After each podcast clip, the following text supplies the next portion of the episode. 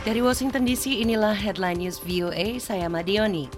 Pemimpin oposisi Belarusia, Sviatlana Sikanuskaya akan berpidato di hadapan Dewan Keamanan PBB pada 4 September. Demikian pengumuman dari timnya Senin. Sikanuskaya yang berada di Lituania karena khawatir akan keselamatannya diundang untuk berbicara secara virtual oleh Estonia, anggota tidak tetap Dewan Keamanan. Sementara itu, negara-negara Baltik telah memperlakukan sanksi perjalanan terhadap para pemimpin Belarus, termasuk presidennya yang berkuasa, Alexander Lukashenko. Demonstrasi yang menyerukan pengunduran diri Lukashenko terus berlanjut setelah pemilu yang disengketakan.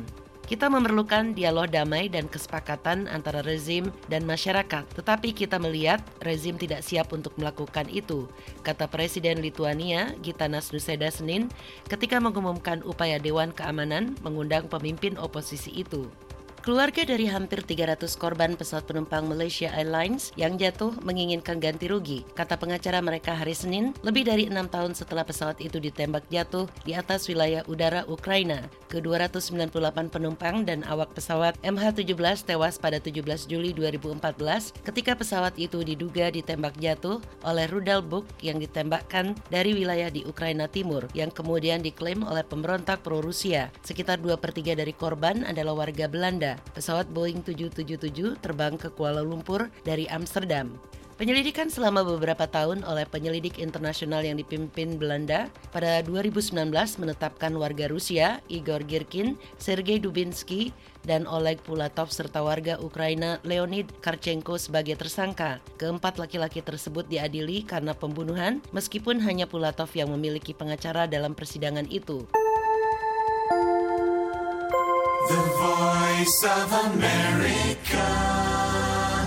Ketika Departemen Kepolisian New York tahun lalu memecat seorang anggotanya karena menekan leher Eric Garner dengan lutut yang berakibat fatal, Serikat Polisi berpendapat hampir tidak ada sistem disiplin internal departemen untuk hukuman semacam itu sebelumnya. Hari Senin, Departemen Kepolisian terbesar di Amerika ini memaparkan kemungkinan konsekuensi atas kesalahan polisi lewat rancangan serangkaian disiplin yang akan memandu keputusan hukuman menyerupai pedoman hukuman yang digunakan dalam kasus pidana. Pedoman disiplin ini akan diberlakukan setelah periode tanggapan publik selama 30 hari. But invariably in any occupation there will be there will be um, incidents that happen that shouldn't happen. And when those incidents happen, we want to have a roadmap where both our employees as well as the public knows what to expect. And that's the consistency we're looking for here. Kita ingin menjelaskan bahwa jika kita melakukan hal tertentu akan ada konsekuensi tertentu, kata Wakil Kepala NYPD Matthew Pontilo yang ikut membuat kebijakan disiplin itu dibantu pejabat departemen dan lembaga di luar kepolisian.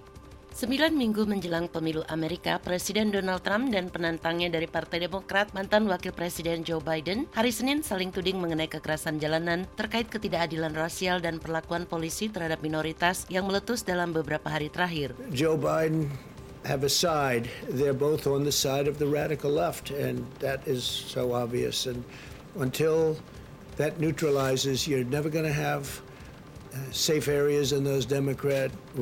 Trump hari Senin mencuit hari Selasa berencana mengunjungi Kenosha, Wisconsin, di mana demonstrasi minggu lalu berubah menjadi kekerasan setelah polisi menembak seorang laki-laki kulit hitam dari belakang ketika mereka berusaha untuk menangkapnya. Seorang remaja kulit putih yang mengaku melindungi bisnis di Kenosha dan main hakim sendiri dituduh menembak mati dua orang dan melukai orang ketiga selama demonstrasi jalanan. Trump merujuk pada Biden mengatakan kekerasan Wisconsin dan kerusuhan di Portland, Oregon, Amerika Barat Laut memaksa Joe yang lamban keluar dari ruang bawah tanahnya di Delaware, di mana ia berkampanye untuk pemilihan 3 November untuk menghindari keramaian selama pandemi virus corona yang tak kunjung reda.